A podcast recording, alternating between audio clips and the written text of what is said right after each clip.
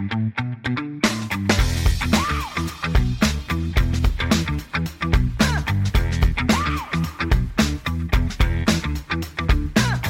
90.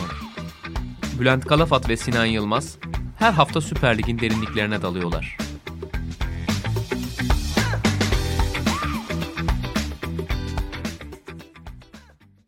Sokrates Podcast'ten hepinize merhabalar. Sinan Yılmaz'la birlikte yeni bölümümüzle sizlerleyiz. Bu bölümümüzde geçtiğimiz bölümün sonunda sözünü verdiğimiz gibi Sivasspor'u Rıza Çalınbay'ı ve ekibin genç oyuncularından ve son dönemlerde kadroda daha sık gördüğümüz Kerem Atakan Keskin'i konuşacağız. Sinan selamlar. Nasılsın? Selamlar, teşekkürler. Sen nasılsın? İyiyim ben de teşekkür ederim. Karın tadını çıkardın mı? Pek çıkaramadım geçen hafta düştüğüm için ama Kumsal ve Hilal Hanım onlar iki gündür karın tadını çıkarıyorlar. Ben balkondan onlara bakmakla yetiniyorum. Bu arada şunu fark ettim bugün.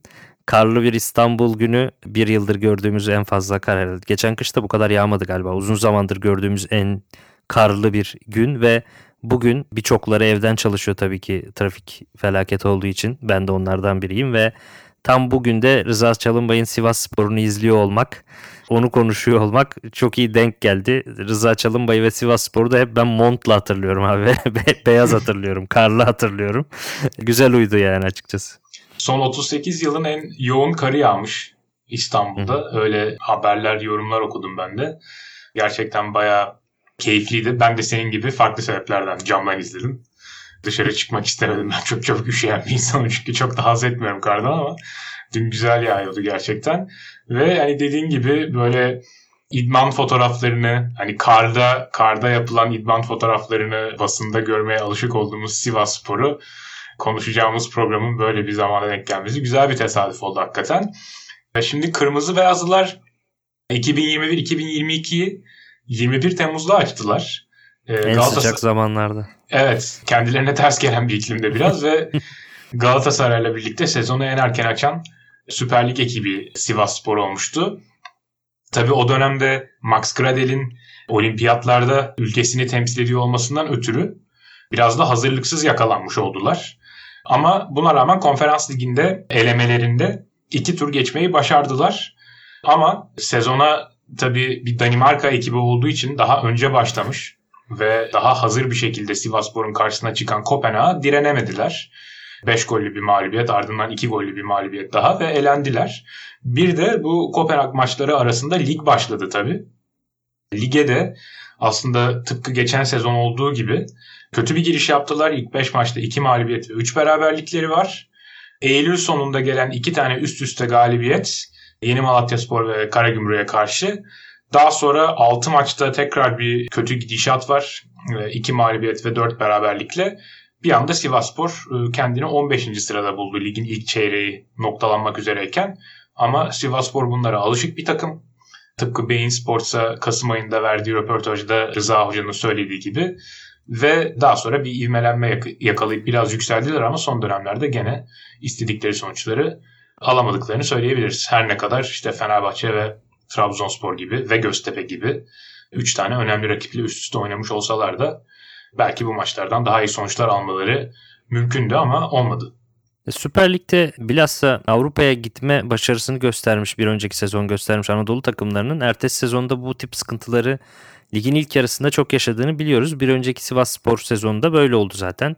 Hani ligin ilk yarısını çok daha düşük seviyede kaybetmişti Sivas Spor ama ikinci yarıda çok iyi bir ivme yakalamışlardı hatırlarsın belki 17'de 18 şey 18'de 17 gibi bir şey yapmışlardı yani bir mağlubiyetle bütün ligin ikinci yarısında sadece bir mağlubiyet gibi bir şey almışlardı işte. En sadece son... ilk maçta Alanya Spor'a yenildiler ligin ikinci yarısının ilk maçında sonra bir daha hiç kaybetmediler. Evet yani çok güçlü bir istikrar ve yine ilk 5'e girmeyi başarıp yine Avrupa'yı yakaladılar. Hatta hatırlarsan bir önceki sene de Sergen Yalçın'ın çalıştırdığı Yeni Malatya Spor yazın yine Avrupa Ligi önelemeleri oynamış. Oradaki yıpranma sonucunda az daha küme düş düşecekti işte. Sergen Yalçın da ayrılmıştı. Sergen Yalçın'ın bu seneki Beşiktaş'ıyla o sezonki Yeni Malatya Spor'un Avrupa'da yediği yara e, iki kulüp açısından benzer oldu. Bizim Türk kulüpleri maalesef bunu çok yaşıyor. Başakşehir'de iki sezon önce Şampiyonlar Ligi'nde yarayı alıp az daha küme düşecekti. Okan Buruk'la veda etmek zorunda kaldı. Galatasaray'da 2019 döneminde yine çok ağır bir yara almıştı. İlk devreyi çok kötü geçirmişti. Sonra korona vesaire. Toparlanmışken korona gelmişti. Yani e, bizim takımlar için maalesef bir norm haline geldi bu. Ve Sivas Spor'da geçen sezon olduğu gibi yani bir önceki sezon olduğu gibi bu sezonda aynı problemi yaşıyor. Hatta o Kasım sonundaki müsabaka 20 Kasım'da Başakşehir Sivas Spor maçı. Ben o maçı statta izledim. Yerinde izlemiştim ve Başakşehir 2-1 kazanmıştı ama 2-1'den çok daha fazla bir oyun üstünlüğü de vardı. Yani çok daha farklı da kazanılabilirdi ve o maç şunu düşünmüştüm. Rıza Hoca'nın o çok yüksek baskı ve tempo isteyen oyun arzusuna artık her geçen yıl yaşlanan takımı cevap veremiyor gibiydi. Yani bu oyuncularla uzun süredir birlikte çalışıyoruz Hoca. Yatabari ile olsun, Caner Osman Paşa ile olsun, Hakan Arslan'la olsun. Şimdi mesela Pedro Henrique'yi bu sene aldılar. 31 yaşında. Gradel 34 yaşında. Faysal Fajr 33 yaşında. Hakan Arslan 33 yaşında. Yatabare 35 yaşında. Caner Osman Paşa 34 yaşında. Takım artık bu kadar yüksek tempoya cevap veremiyor gibiydi ve maçın ikinci yarısının başında hoca o kötü Başakşehir maçının ilk devresinin ardından e, iki oyuncu değişikliği yapmıştı. Bunlardan bir tanesi 2000 doğumlu Kerem Atakan Keskin'di. Diğeri de Erdoğan'dı. Daha sonra bu oyuncular daha çok ilk 11 oyuncusu bilhassa Kerem Atakan Keskin uzun süre takımın 11 oyuncusu haline geldi. Aynı maçın son dakikasında bir 2000 doğumlu da Sivas Spor altyapısından Özkan Yiğiter de ilk kez Süper Lig'de bu sezon o da oynamış oldu o maçla birlikte. Muhtemelen o maçta Rıza Hoca tıpkı benim düşündüğüm gibi bir kabullenme maçı yaşadı ve Hakan Arslan'ı ki kendisini 2012'de bundan ilk defa 10 yıl önce henüz 23 yaşındayken Sivas Spor'u transfer ettirmişti ve e, Hakan Arslan Rıza Çalınbay için bir prensti. Tıpkı işte Ayman ve Ziya Doğan ilişkisi gibi. Yine bir Beşiktaşlı hoca. Rıza Hoca ile Hakan Arslan ilişkisi de çok benzer. Hatta bir dönem Rıza Hoca Kasımpaşa'yı çalıştırırken Hakan Arslan'ı da Sivas Spor'dan kiralık getirmişti. 10 yıl boyunca çok uzun süre birlikte çalıştılar. E, iki Sivas dönemi oldukça uzun geçti. Bir Kasımpaşa dönemi falan. Ve nihayet 10 yıl sonra hem kaptanı olan hem de prensi olan Hakan'ı artık 2000 doğumlu başka bir genç oyuncu için Kerem Atakan Keskin için kesen bir Sivas Spor vardı. 12 yaş küçük Kerem'e devretti o bayrağı. Ve bu bayrak değişimi Sivas Spor için hiç de fena sonuç vermedi. Ondan sonra Kasım ayından itibaren Sivas Spor'un iyi sonuçlar aldığını görüyoruz. Evet o bahsettiğin değişiklikten sonra e, 4-0'lık bir Hatay galibiyeti geliyor ve 4 maçlık bir seri başlıyor. Galatasaray ve Alanya Sporu da gol yemeden geçiyor. Yani e, Sivas Spor o seride. Ardından biraz çalkantılı bir dönem daha geçiriyorlar. İşte bölümün başında değindiğin gibi son 3 maçta galibiyeti yok takımın. Ve bunun da belki sebeplerinden bir tanesi Süper Lig'in ikinci yarısının başlangıcına denk gelen Afrika Uluslar Kupası. Afrika Uluslar Kupası demek Rıza Çalınbay için Faysal Fajr ve Max Graden'in olmaması demekti. Ve bu iki oyuncu zaten Sivasspor'un bir tanesi Sivasspor'u 3. bölgeye taşıyan oyuncu Fajr. Diğeri de 3. bölgede iş bitiren iki oyuncudan bir tanesi. Çok ee, küçük araya gireceğim. Ee, Grad, Gradel o kadar önemli bir oyuncu ki fil dişi için de çok önemli. Şu an itibariyle yani bir Afrika Kupası'nda bir fil dişi maçına bakmıştım. Ve diğer maçlarda var mı çok emin olmamakla birlikte söyleyeceğim. Max Gradel ilk 11'di sol önde ve alternatifi Wilfred Zaha'ydı. Yani Zaha'yı kesmiş ve fil dişinde de Grad- Gradel oynuyordu. Hani Gradel sadece Sivas Spor için değil, sadece Süper Lig için değil. Süper Lig'in de geçen sene MVP'lerinden bir tanesiydi. İlk üçe yazarım ben yani. Ee, bu sezonda yani Sivas Spor için hala ne kadar önemli bir oyuncu olabileceğini, bizim lig için ne kadar önemli bir oyuncu olabileceğini Afrika Kupası'ndan da görüyoruz yani. Baya enteresanmış gerçekten. Zaha'nın yerine tercih ediliyor olması. Acaba Zaha'nın senin baktığın maçta bir sakatlığı falan mı vardı bilmiyorum ama e, gerçekten baya e, şaşırtıcı. Hani Fajr ve Gradel olmadığı zaman tabii takımın biraz hücumda aksaması normaldi. Ama e, sezonun geneline baktığımız zaman Yo, yedekte. E, alışa geldiğimiz Sivasspor'u görebiliyoruz. Ligimizin işte böyle en old school nasıl diyeyim eski usul futbol oynayan takımı Sivasspor şutla biten hücumlarda topu ileri doğru en hızlı oynayan takımmış. Statsbomb verilerine göre. ileri doğru topu ortalama saniyede 3.1 metre ilerletiyorlar. İşte ligin ortalaması 2.7'ymiş. Bunu en yavaş yapan takım da Başakşehir'miş 2.2 ile. Yani bu ne kadar direkt bir futbol oynadıklarını ifade eden bir veri. Aynı şekilde ceza sahası girişlerini de en yüksek yüzdeyle ortalar üzerinden yapan takım. ceza sahası girişlerinin %40'ı orta, ortalarla geliyor Sivasspor'un. Lig ortalaması %33 ve gene bu alanda e, spektrumun diğer ucunda yer alan Başakşehir %25. Bu da oldukça ciddi bir fark. Bunun doğal bir sonucu olarak belki 9 kafa golüyle e, lig lideri Sivasspor. Sadece Gutas'ın 4 tane kafa golü var. Yunan stoper gelir gelmez golleriyle etki yapmıştı. Mesela bu Trabzonspor'un attığı bütün kafa golleri toplamına eşit. Ve yani daha çarpıcı kontrast olsun diye Yeni Malatyaspor'un bir, Adana Demirspor'un iki tane kafa golü var. Başakşehir'in kafa golü yok falan. Böyle enteresan durumlar var. Sivasspor bu alanda açık ara lider ve duran toplar. Gene e, Sivasspor'un ciddi olarak fark yarattığı bir konu. 10 duran top golü atmışlar. Sadece 2 tane yemişler. Duran top bakiyesinde lig lideri. Zaten gelen kafa gollerinin de 9 kafa golünün de 5 tanesi duran toplardan gelmiş. Fakat akan oyundan Sivasspor'un maçlarında çok fazla bir şey görmek mümkün olmuyor. Bunu da yansıtan çarpıcı bir metrik var. Akan oyundan oluşan gol beklentisinde kendileri ürettikleri gol beklentisinde ligin 5. takımı, en az üreten 5. takımı özür dilerim. Ve rakiplerinin de akan oyundan en az gol beklentisine izin veren ikinci takım. Birinciydi yani, geçtiğimiz haftalarda. Hangi takım geçti onları? İki hafta önce birinciydi hatırladığım kadarıyla. Başakşehir. Başakşehir. Tebrik ederiz Emre, Emre Belezoğlu. Ee, evet. Zaten Başakşehir aslında Aykut Kocaman döneminde de ligin gol beklentisi bakiyesi açık ara en iyi takımıydı ama gol beklentisi bakiyesi gol bakiyesine pek yansımıyordu. e, o yüzden skorlar da gelmiyordu. Bazen böyle şeyler olabiliyor. Şimdi dilersen biraz Rıza Hoca'ya bir bölüm ayıralım.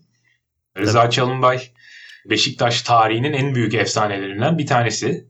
Öz kaynak düzeninin bir futbolcusu.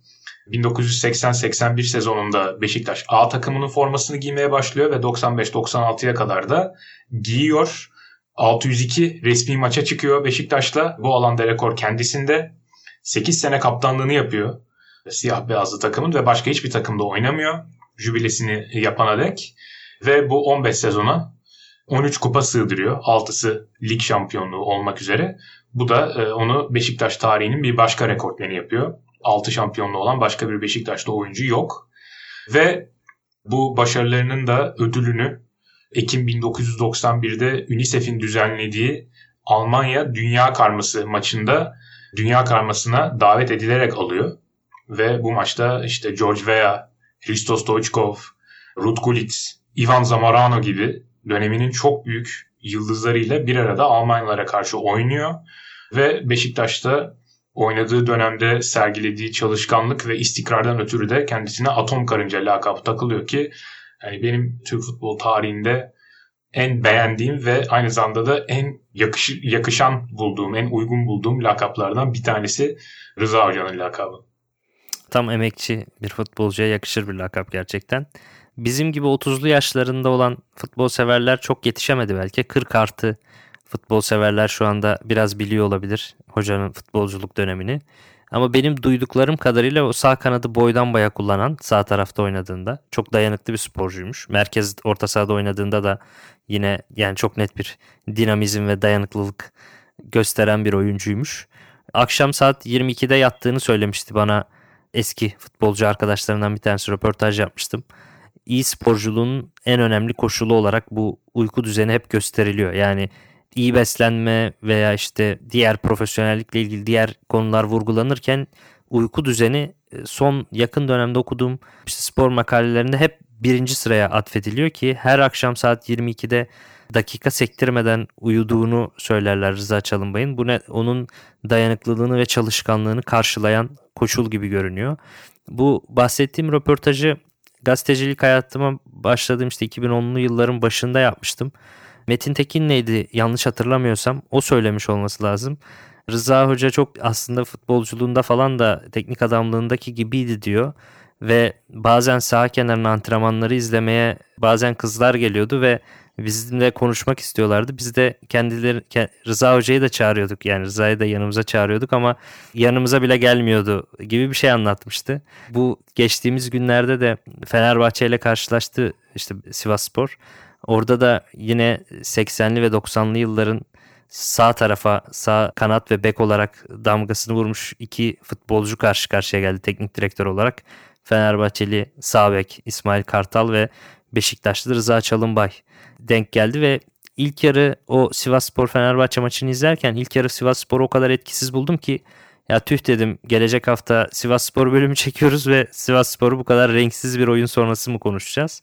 ama ama ikinci yarıda 180 derece değişen ve 4-4-2'ye dönen daha da bu az önce sen anlattın ya ne kadar istatistikleri verince çok güzel pekişti. Old school futbolun tam tanımı yani. Duran toplardan goller, kafa golleri ama akan oyunda düşük ikisi tam böyle old school. Ve o maçta yani Fenerbahçe maçı da 4-4-2'ye dönmesiyle, oyunu genişletmesiyle, rakip ceza alanına attığı orta sayısıyla dikine ve baskılı futboluyla tam böyle ikinci yarı Rıza Çalınbay'ın Sivas Spor'un %100 gördüğümüz bir ikinci yarı oldu ve maçı çevirdiler. Galibiyete de gayet yaklaştılar. Topları direkten döndü ikinci yarıda ve çok daha iyi bir Sivas Spor izledik. Ama bu sezonki Sivas Spor'u tam böyle 90 dakikaya sığdıran bir maç oldu sanki. Bu seneki Sivas Spor'u tahmin edilebilirliği çok düşük bir Sivas Spor olarak ben değerlendiriyorum. Bazı dönemlerde çok iyi oynuyor. İşte az önce de bahsettik. Yani iyi maç gal ardarda arda kazanmaları var ama kötü giden dönemleri de var. O maç bu maç da öyle oldu. Yani ilk devresi çok kötü, ikinci devresi çok iyi bir Sivas Spor vardı. Sanki Rıza Hoca'nın bu sezon artık ligin ikinci yarısında çözmesi gereken sorun bu gibi. Yani bu takıma artık istikrar kazandırması gerekiyor. Aslında şimdi sen söyleyince bir anda aklıma geldi bu benzetme. Sivas Spor için daha doğrusu Rıza Çalınbay için yani Sivas'ta eski İngiliz futbolunun ruhunu yaşatıyor diyebiliriz. Yani Sivaslı İngiliz Rıza Çalınbay gibi ki hani Beşiktaş'ta da uzun dönem bir İngiliz olan Gordon Mill'in öğrencisiydi. Doğru. Belki hala ondan edindiği bazı şeylerin etkisinde hala o futbolu sahada uygulamaya çalışıyor. Teknik direktör Rıza Çalınbay'ın da şöyle bir geçmişine bakacak olursak futbolu bırakınca ilk etapta Mustafa Denizli'nin milli takımda yardımcılığını yapıyor. Mustafa Denizli ona hemen ekibine almak istiyor. Teknik direktörlük hayatı ise birinci adam olarak 2001'de başlıyor ve tam 13 takımı çalıştırıyor. Göztepe, Denizli Spor, Ankara Gücü, Rize Spor, Beşiktaş, Ankara Spor, Eskişehir Spor, Sivas Spor, Mersin, Mersin İdman Yurdu, Kasımpaşa, Antalya Spor, Trabzonspor ve Konya Spor. Ee, Rize Spor'u 3 kere çalıştırdı ve şu anda da Sivas Spor'un Sivas Spor'la ikinci birlikteliği hocanın. Bütün bunlar arasında belki de en çarpıcı başarılarından bir tanesi 2002-2003 ee, sezonunda UEFA Kupası'nda Denizli Spor ile 3 tur geçtiği dönem ve orada eledikleri takımlar e, oldukça ciddi ekipler. Fransa'nın kupa şampiyonu Lorient'e eliyorlar. Ardından Çek, Çek Ligi'ni ikinci sırada bitiren Sparta, Sparta Praga eliyorlar. Ve Şampiyonlar Ligi gruplarında bir süre geçemedikten sonra UEFA'ya e, UEFA'da yoluna devam eden Fransa şampiyonu Olimpik Lyon'u eliyorlar ki Olimpik Lyon'un da o 7 sene üst üste şampiyon olduğu serinin ilk şampiyonluğu bu. Yani Lyon'un ciddi bir yükselişe geçtiği dönemin başlangıcı ki o takımda da işte Juninho Pernambucano'lar falan var yani gayet hmm. son derece güçlü bir takım. Elendikleri takımda son 16 turunda kupayı kazanacak olan Porto. Jose Mourinho'nun Porto'su. O takımda da işte e, Dekolar, Vitor Bahia'lar, Paula Ferreira'lar falan gibi böyle Portekiz milli takımının önemli yıldızları var. Bir sonraki ee, sene de Şampiyonlar Ligi şampiyonu olmuşlar. Doğru. Ee, yedek kalecileri de bu arada geçtiğimiz sezon Wolverhampton Wanderers'ı çalıştırıp bu sezonda Tottenham'la sezona başlayıp e, daha sonra takımdan ayrılan Nuno Espirito Santo'ydu bu arada. Öyle ufak bir not da var. Ve o zamanlar e, sen hatırlarsın tabii artık herhalde 10'lu yaşlarına falan gelmiş bir insan olarak. Bu e, o zamanlar, O zamanlar Türkiye'den UEFA'ya 5 takım katılıyordu. Kupanın, kupa galibi katılıyordu çünkü 1999'dan sonra Kupa Galipleri Kupası oynanmadı. UEFA'ya aktarıldı onlar. Kupa galibimiz gidiyordu. Ligi 3. 4. ve 5. sırada bitiren takımlar gidiyordu UEFA'ya. Bir de Şampiyonlar Ligi elemesinden elenerek gelen takım gidiyordu UEFA'ya. O da o sezon Fenerbahçe olmuştu mesela. Beşiktaş da bu 2002 2002 2003 sezonunda UEFA'daydı ve siyah beyazlılar da çeyrek finalde Lazio'ya elenmişti. Yani ülke futbolunun e, bundan 20 yıl önce bulunduğu durumun şimdikine kıyasla ne kadar yukarıda olduğunu bu sezona bakarak anlayabiliriz. Evet. Ve daha başta dediğim gibi memleketi Sivas'taki ikinci döneminde şu anda e, Rıza Çalınbay. İlk dönemi iki buçuk sezon sürmüştü. Şimdiki onu geçti. Üçüncü sezonunu bitirmek üzere hoca. Ve nasıl bir Sivas sporu var? Çalınbay'ın işte 19-20 sezonunun ilk yarısını lider bitiren bir takımdı. Daha sonra 2020-2021 sezonda işte UEFA, daha doğrusu Avrupa Ligi serüveni nedeniyle tıpkı bu sezon olduğu gibi tökezleyerek başlayıp sonra ikinci yarı senin daha önce bahsettiğin o büyük çıkışı yakaladılar. Kaç 18'de 17 mi yaptılar? 20 yani o son 21 maçın 20'sini mi kaybetmediler? Öyle bir şeydi. Gerçekten çok istikrarlı gittiler. Bu sezonda bakalım aynısını tekrarlayabilecekler mi ama şunu söylemek şunu söylemek mümkün ki ligde hani karakteri olan bir takım söyle desen yıllardır değişmeyen, ne oynadığını herkesin bildiği, herkesin oynamaktan çekindiği, deplasmanda özellikle oynamaktan çekindiği bir takım söyle desen herhalde işte e, şampiyonluk adayları, malum şampiyonluk adayları dışında herkesin aklına ilk gelen takım Sivasspor olur diye tahmin ediyorum. Ya bu bu yoruma benzer bir yorumu Milli Takımlar Teknik Direktörü Stefan Kuntz da yaptı geçen günlerde. Tam böyle değil ama yakın bir yorum. Bu e, spor müdürleriyle bir toplantı yaptılar ve e, orada bir soru cevap ve sohbet toplantısı gibi bir şey oldu. Ve böyle bir soru vardı Kuntz'a. Yani Türk futbolunda istikrarlı bir şekilde yolunda giden bir şey var mı gibi. Yani örnek alınabilecek bir şey var mı gibi bir soruydu. Ve o da o da evet güzel bir soru. Cevap da güzel. Yani düşünmüş çünkü Kuntz bunun üzerine. Ve Rıza Çalınbay'ın Sivas Spor'un örnek göstermiş. İstikrarlı giden ve örnek alınabilecek gerçekten hani fayda maliyet işte çok büyük paraların harcanmadığı falan ve iki senedir ardarda arda Avrupa Lig Avrupa'ya götürebiliyor olması Sivas Spor falan.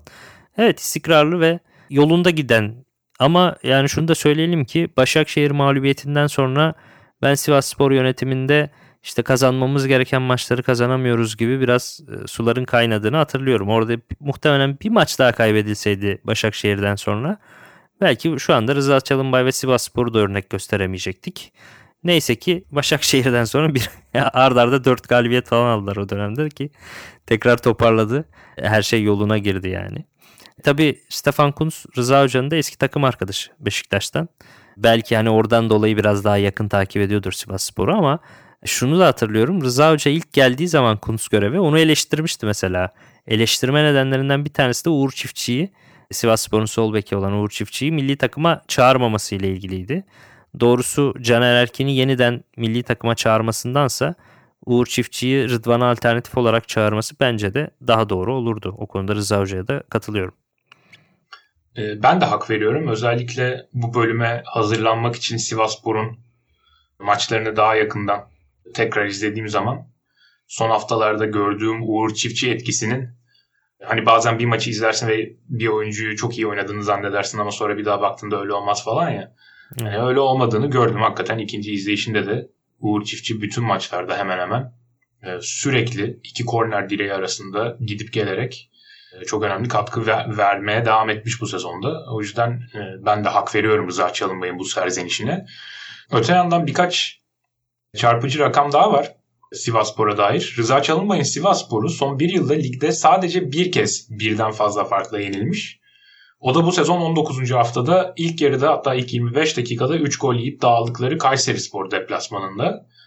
O da ee, çok, geç... eks, çok ekstra bir maç. Yani o maçın özetini bir izleseler Tiam'ın Henry olduğu kavramı evet, için yani. Bergkamp olduğu evet, olağanüstü son vuruşlar yani inanılmaz bir maç o da. Özellikle ikinci ve üçüncü gollerden bahsediyorsun. Hakikaten evet. e, biraz sıra dışı goller. Ama mesela bir yıl geriye gittiğimiz zaman şunları görüyoruz. 25 ve 31 Ocak 2021'de Kasımpaşa ve Alanya Spor'a 2-0 ve 3-1 yeniliyorlar. Hatta işte Alanya Spor'dan aldıkları mağlubiyet 2021 2020-2021 sezonda aldıkları son mağlubiyet oluyor. O dönemden beri en fazla bir farkla yenebiliyorlar rakipleri Sivas Spor'u. Ki yani geçen sezonda Avrupa Ligi ile girip çok bocaladıkları bir ilk yarı geçirdiklerini söylemiştik. Belki Alanya Spor'la Alanya Spor'a karşı aldıkları mağlubiyet o çalkantılı dönemin son yansıması oldu. Ve hani gerçekten iki sene üst üste bir Anadolu takımını Avrupa kupalarına götürmek bizim ligimizde eşi benzerine kolay kolay rastlanmayan bir durum. Bu sebepten ötürü de Rıza Çalınbay'ı gerçekten tebrik etmek lazım ki yani oldukça da kısıtlı imkanlarla ve dar bir kadroyla bunu yaptığını da unutmamak lazım. Ya bu arada her sezon bazı teknik adamlara, büyük takımlara yaşattıkları zorluklar için Giant Killer lakabı takıyoruz ya seninle birlikte. iki sene önce de Şumudika için çok kullanıyorduk bu lakabı yan, Hı hı. yanlış hatırlamıyorsam. Hı hı. Ama esas bu lakabın en çok karşıladığı teknik adam son 20 yılı ele aldığımızda net şekilde Rıza Çalınbay bence. Ya haksızlık etmişiz bence hocaya. Yani bu lakap direkt onun olmalı. Çünkü belki Beşiktaş'a karşı çok olmasa da Galatasaray ve Fenerbahçe'ye karşı tam bir baş belası olduğunu hatırlıyorum ben her hemen hemen her dönemde. Ayrıca bu üç büyük İstanbul'un üç büyüklerini geçiyorum. Biraz yükselen, ivme yakalayan, form yakalayan bir takım da Sivas'a denk geldiği zaman o ivme gidiyor. Yani o şey seriyi bozuyor Rıza Hoca bir şekilde. Doğru. Ben hatta bu yüzden Sivas Spor'a yani Rıza Çalınbay'ın Sivas Spor'una hani gerçeğin gardiyanı tarzı bir benzetme yapmıştım. E, Cuma ve ertesinin bir bölümünde. Çünkü hakikaten iyi takımım diyorsan hadi çık bir Sivas Spor'la Sivas Spor'da oyna da görelim. Güzel evet hatırladım şimdi o bölümde. Ya bu konuda şöyle bir anım da var hatta. Şimdi net hatırlıyorum 2005 yılındaki Fenerbahçe Beşiktaş derbisi zaten Beşiktaşlılar için unutulmaz bir derbidir o. Beşiktaşlı arkadaşlarımla izlediğim için ben de hatırlıyorum sevinçlerinden dolayı. Kadıköy'de bir pankart açılmıştı maç öncesi. Fenerbahçeli bazı taraftarlar işte Rıza Efendi iki ekmek bir süt yazıyordu pankartta. Rıza Hoca'nın babası kapıcılık yapıyormuş işte o çocukluğunda Rıza Hoca'nın ve sözde alaya aldıklarını zannediyorlar bu pankartla. Tabi bu pankarttan utanan Fenerbahçeli arkadaşlarım da var. Bunu çok kınayan arkadaşlarım da var. Onu bütün Fenerbahçe camiasına mal etmeyeceğim. Sadece oradaki bir taraftar grubu. Tabi o dönemin Fenerbahçe yönetiminin bunları iyi denetlemesi de gerekirdi bence. Neyse bu pankart yüzünden futbol tanrısı yine bu kötü espriyi affetmedi ve o pankartın açıldığı maçta Beşiktaş kalecisiz kalıp 10 kişi kalıp kaleye Panku'yu koyup maçı 3-4 kazanmıştı. Ve işte 90 artıda Koray'ın golüyle inanılmaz bir galibiyetti. Derbi galibiyetiydi uzun yıllar unutulmayan. Ve hala geçen sezonda 33. hafta Sivas Spor maçı Fenerbahçe sahasında kazansa şampiyon olacaktı. Ama yine Rıza Hoca'nın Sivas Spor'una kaybettiler. Bilhassa Fenerbahçe'ye karşı Rıza Hoca o pankarttan beri teknik adam olarak tam bir baş belası konumunda ve teknik direktör olarak buna da baktım daha sonradan kariyerinde en çok rakip olduğu takım da 43 kez ile Fenerbahçe olmuş. Bu maçlardan 11 galibiyet ve 9 beraberlik çıkarmış. Yani neredeyse iki maçtan birinde sorun haline gelmiş. Beşiktaş'a karşı da 7 galibiyeti var. Galatasaray'a karşı ise 8 galibiyeti var. Onlara da bakmış oldum. Bu bahsettiğim 4-3'lük Kadıköy galibiyeti benim hayatımda canlı izlemediğim ama yani canlı izlemediğim için de en çok pişmanlık ve üzüntü duyduğum Beşiktaş maçıdır. 17 Nisan 2005 benim de kaç yaşında oluyorum ben? 19 19 yaş 19. yaş günümdü. Ama işte Amerika'da okumanın verdiği zaman farkı zorunlulukları yüzünden ben o sırada dersteydim. Ee, yani ki üniversitede o kadar ders kırmış bir insan olarak nasıl olur da o gün dersi kıramamışım. Herhalde böyle bir sınav mı vardı artık? Mecbur gitmek zorunda olduğum bir hadise vardı herhalde. Tam hatırlamıyorum şimdi ama abi bir geldim odama. Aa, ne yaptı acaba Beşiktaş falan diye bir açtım. Ondan sonra hay kaçırdım maça bak diye saydım küfürleri. Şimdi burada söylememe gerek yok ama gerçekten çok efsane bir maçtı. Tabii bir de Rıza Hoca'nın şöyle enteresan bir yanı var. Bunu da hatta senle bayağı esprisini yapıyorduk önceki programlarımızda kendisi hani very hard seven bir teknik direktör diyoruz onun için. Neden derse de dinleyicilerimiz stoperlerden yana gerçekten artık şanssız mı diyeyim yoksa hani stoper işte olsun da biz bir şekilde idare ederiz diye bir bakış açısı var. O yüzden stoperlere çok önem mi vermiyor onu bilmiyorum ama özellikle bu son döneminde Sivasspor'da hep vasat veya vasatın bir tık altı stoperlerle işi idare etmeye çalışıyor. İşte ön tarafta Henrique'ler, Gradel'ler, ya Tabare'ler falan Süper Lig kalitesi, Süper Lig standartları için belli kaliteye sahip oyuncularla oynuyor ama işte stoper, evet Faysal Fajr falan ama yani stoperlerine baktığımız zaman ilk devresini lider kapadığı 19-20 sezonunda takımın stoperleri alt ligde Ümraniye Spor'dan gelen Apindangoye ve Akisar Spor'dan gelen Caner Osman Paşa. Bu iki stoperle ligin ilk yarısını lider kapamıştı. İşte 2020-2021 sezonunda New England'dan Malili e, Samba Kamara geldi ki işte bu sezonda kendisini görüyoruz bazen 11'de son dönemlerde özellikle. Ve bu sezonun başında Yunanistan ekibi Atromitos'tan e, Atromitos'tan Dimitris Vudas geldi. Hani kamerayı kesti bazen bazen işte kamerayla beraber oynadılar falan ama hani böyle çok daha iyi oldu mu? Ben açıkçası çok emin değilim. Hani sezona attığı gollerle çok e, çarpıcı bir giriş yaptı. Gutas ama bir savunmacı olarak beni hala ikna edebilmiş değil kendisi ki yani e, bugün de işte bu programa hazırlanırken izlediğim Sivaspor maçlarında sahada olduğu zaman Sivaspor'un yediği gollerin neredeyse tamamında bir kusuru var Gutas'ın.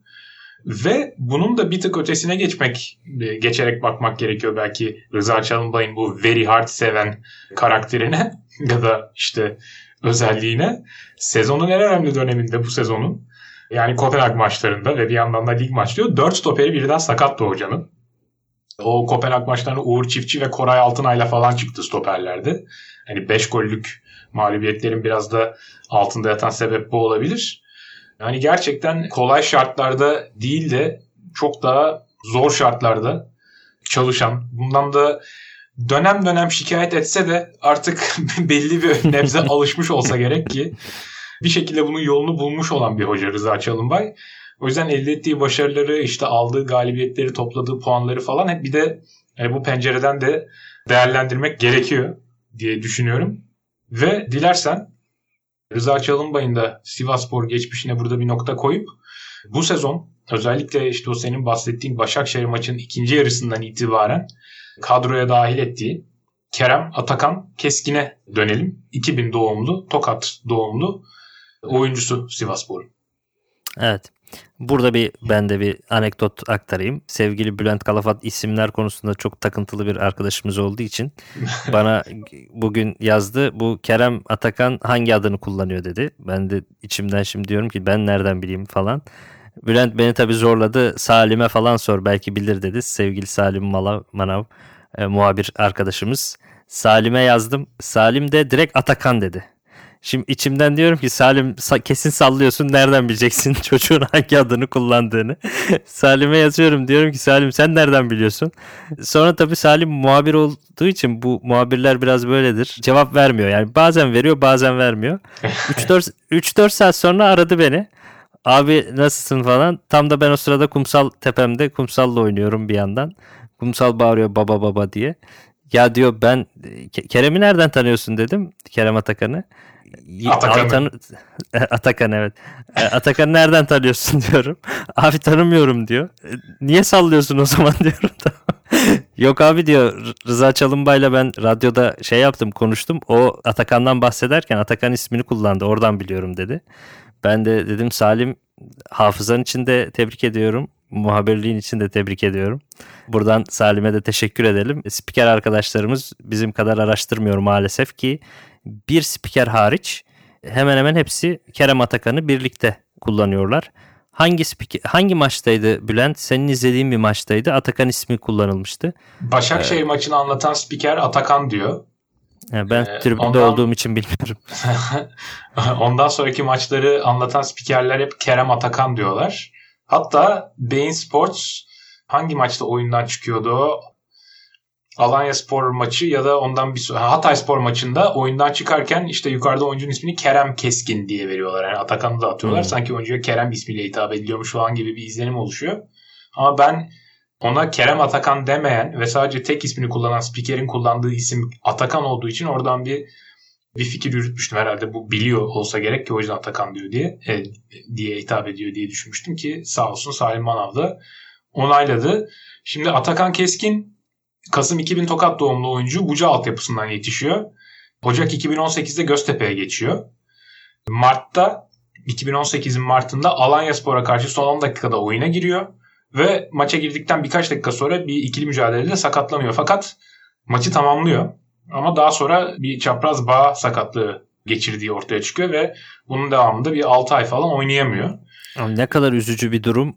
Tıpkı Luyendama'nın ayağının gittiğini anlamayıp kendisine aspirin veren Kongolu doktorlar gibi bir hadise olmuş yani. Çocuğun gerçekten tam kariyer başlangıcı ki hatta daha öncesinde bu Ocak 2018'den önce Burca Spor veya o, o dönemler yani 2016-17'lerde henüz daha Kerem Atakan da 16-17 yaşlarındayken üst seviyede maçlara çıktığını hatırlıyorum yani. Çok erken çıkmıştı ama bu bahsettiğin sakatlık maç içinde anlaşılamayan ağır sakatlık sonrası maalesef bayağı sıkıntılı bir dönem geçiriyor kendisi. Evet ve hani çok formatif yıllar bunlar. Hani Hı-hı. Süper Lig kariyerinin daha başlangıcı. Ki yani biliyorsun biz genç oyuncularımızı o seviyeye çok iyi hazırlayamıyoruz. O yüzden Süper Lig'de de zaten iyice bir pişmeleri ge- gerekiyor falan. O, o yüzden çok önemli bir dönemi kaçırmış oldu Atakan. 2019-2020 sezonunda yine Göztepe'de ama sadece 100 dakika civarı forma şansı bulabiliyor. 2020-2021 sezonunda Sivasspor'a transfer oluyor genç oyuncu. Fakat yine e, çok fazla şans bulamıyor. Kupa ve lig maçları dahil toplam sahada e, sahada kaldığı süre 100 dakika civarında kalıyor gene. Ve geliyoruz mevcut sezona. 2021-2022 sezonu. 13. haftadan itibaren o Başakşehir maçının ikinci devresinden itibaren forma giymeye başlıyor. Genellikle hatta genellikle değil hep e, Rıza Çalınbay onu orta sahadaki 3 oyuncudan en öndeki olarak kullanıyor. Arkasında Kofi Ulveştat ikilisinden biri ve Faysal Fajr. Önlerinde de 10 e, numara gibi e, Atakan Keskin'i görüyoruz. İlk maçı açıkçası biraz etkisiz geçiriyor. İkinci devrenin tamamında oynadığı maçta Başakşehir'e karşı. Bir sonraki hafta Hatayspor'u 4-0 yeniyor. İşte Sivasspor'la 4 maçlık galibiyet serisinin ilk ayağı.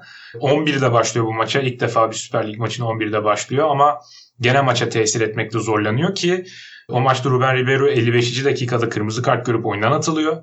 Hatayspor'da ve Sivasspor o sırada 3-0 önde. Hani oldukça rahat bir havada geçiyor bunun devamında maç ama gene oyuna dahil olmakta biraz güçlük çekiyor Atakan.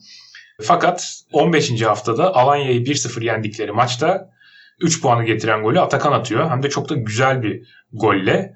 Ki zaten bu maçta biraz sinyalini veriyor sanki bir şeyler yapacağını. Çünkü çok daha hareketli.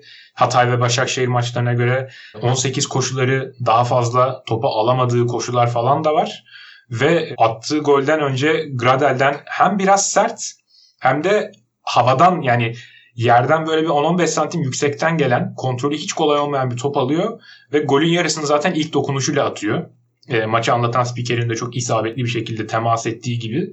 E, evet. Üzerine de çok düzgün bir vuruşta tam yay üzerinden uzak direğe ip gibi giden ve kaleci çaresiz bırakan, Serkan Kırıntılı'yı çaresiz bırakan bir gol atıyor. Ben hani bunun üzerine çıktı 16. haftadaki Galatasaray maçında açıkçası biraz fazlasını bekliyordum Atakan'dan. Artık bir moral bulmuştur. Lige iyice alışmıştır. Golü atmanın verdiği bir özgüvenle falan diye ama ilk yarı gene biraz silik bir performans fakat ikinci yarıda oyuna daha çok dahil olduğunu gördüm. Max Gradel işte bağlantılar yapıyor.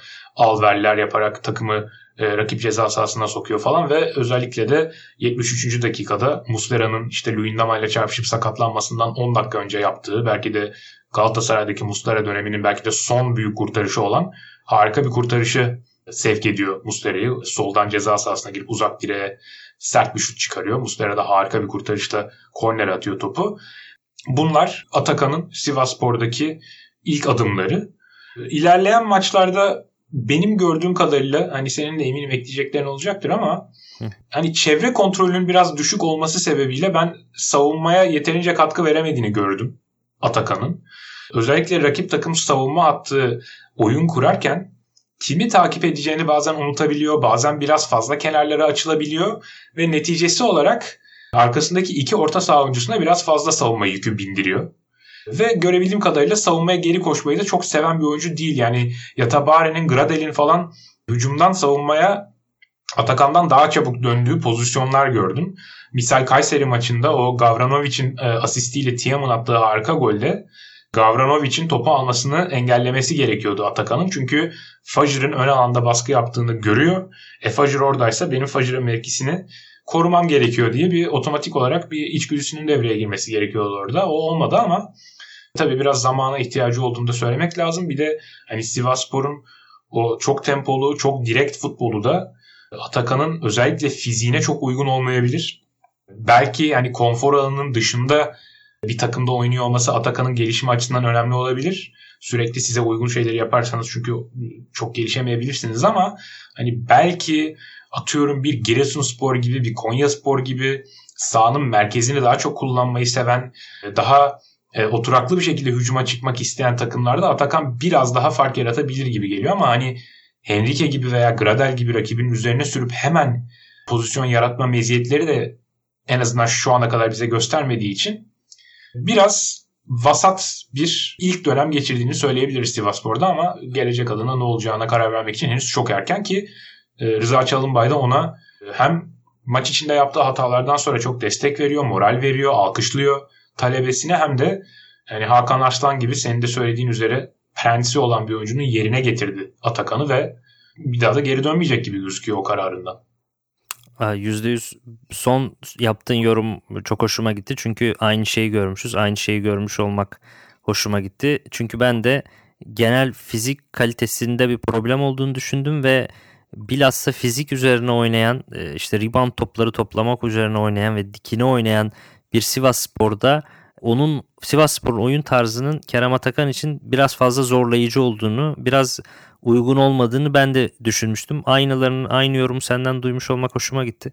Benzer bir düşüncedeyiz ama buna rağmen Rıza Hoca'nın ısrarı ve onun üzerine gösterdiği sabır da yine benim de dikkatimi çeken detaylardan bir tanesiydi.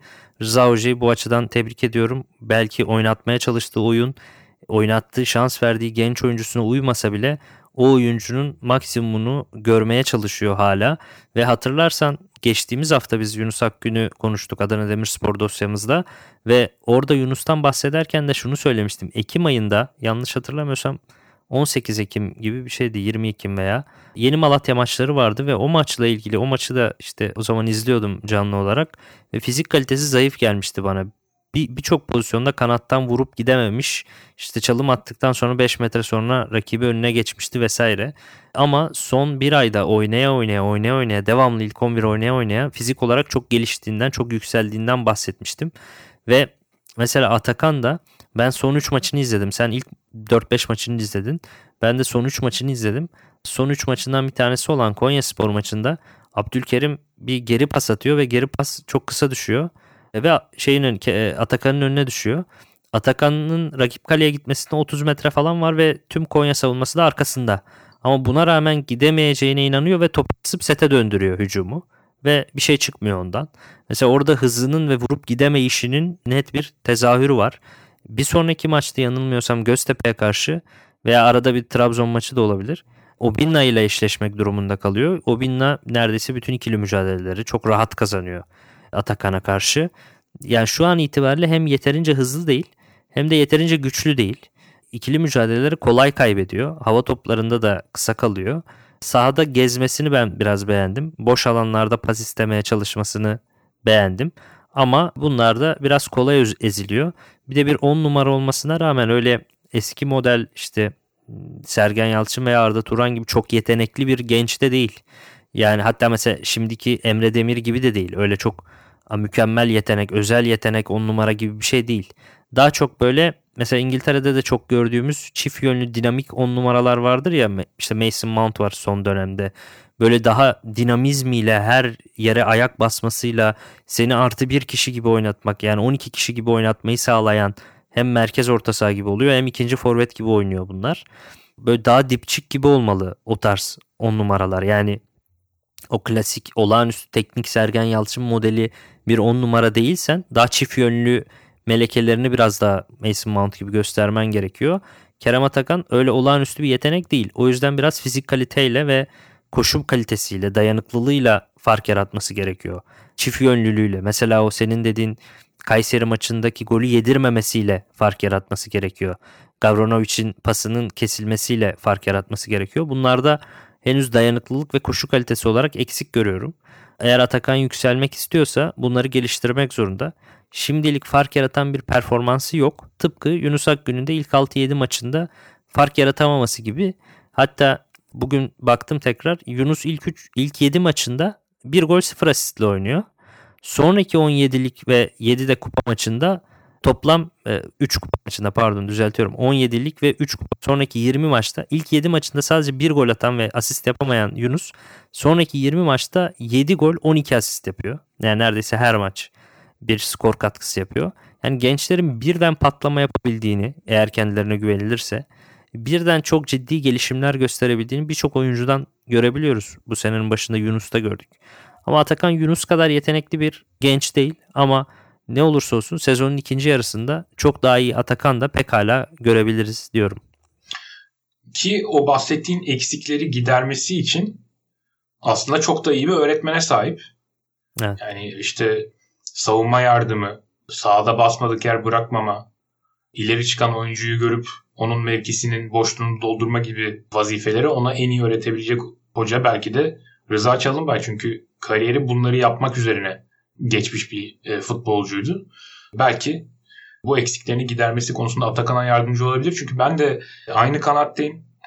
E, teknik ve e, teknik kapasitesi ve yeteneği bakımından evet Alanya Spor'a attığı gol gerçekten çok kaliteli. Harika bir ilk dokunuş barındırıyor. Bazen çok ince pasları falan da oluyor ama istikrarlı değil o konuda. Yani Evet. böyle hani bir Ömer Faruk Beyaz e, videosu izlediğin zaman edindiğin e, etkiyi vermiyor. Sürekli Ali, Ali Akman da Ali Ee, Akman etkisi de vermiyor. Doğru Evet. bir Ali Akman etkisi vermiyor. Ya da işte bir e, Fenerbahçe'nin genç yeteneği Arda etkisi vermiyor. Bazen çok iyi bir pas veriyor. Bazen çok basit pası taca atıyor. Bazen taçtan aldığı pası tekte tacı atan oyuncuya geri oynamak isterken o topu taca atıyor. Ve böyle şeyler yapabiliyor. O yüzden bana kalırsa yani benim tahminim o ki Atakan e, seviyesini fizik kalitesini arttırarak belli bir noktaya çekebilecek. Çünkü teknik kapasitenizi maalesef e, bir yere kadar geliştirebiliyorsunuz. Bir kısmı Allah vergisi, bir kısmı da sizin alt, e, altyapıda aldığınız eğitim. Onun ötesinde belli Doğru. bir noktadan sonra kolay kolay geçemiyorsunuz ya da çok yavaş geçebiliyorsunuz ama Atakan pekala daha güçlü, daha hızlı, daha iyi sıçrayan, yere daha az düşen bir oyuncuya çok daha kolay bir şekilde evrilebilir ki büyük ihtimalle kariyerinin ilerlemesi de biraz bu bu yoldan geçecek gibi geliyor bana. Sivasspor'u burada toparlayalım. Oldukça da etraflı bir şekilde konuştuk. Herhalde bu yeni formatımızda yaptığımız en uzun bölümümüz bu oldu Sinan. Fakat kapatma faslına gelirken şunu fark ettim ki çok büyük bir ihmalde bulunduk. O da bir sonraki bölümde hangi takımı konuşacağımızı kararlaştırmadık. Fakat bazı adaylarımız vardı. Geçmiş bölümlerde konuştuğumuz. Ne dersin? Sence ne yapalım bir sonraki bölümde? Acaba bunun kararını şimdi mi versek? Yoksa Sürpriz Böyle- olsun mu ya? böyle böyle bir sürpriz mi yapsak? Ya da bir 3-4 tane aday seçip belki hafta içi bir anket yaparız falan. Çünkü şu anda hakikaten ben de biraz kararsızım açıkçası. Belki bir haftalıkta sürpriz yapmak fena olmaz ya. Peki bu haftaki hazırlıksızlığımızı bu sürpriz kılıfıyla e, sizlere sunmuş olalım. Siz de mazur görün. E, abi ağzına sağlık. Teşekkür ederim senin de. E, teşekkürler. Ve size de dinlediğiniz için çok teşekkür ederiz. Önümüzdeki hafta Tam 90'ın yeni bölümüyle tekrar sizlerle birlikte olacağız. Görüşmek üzere, hoşçakalın.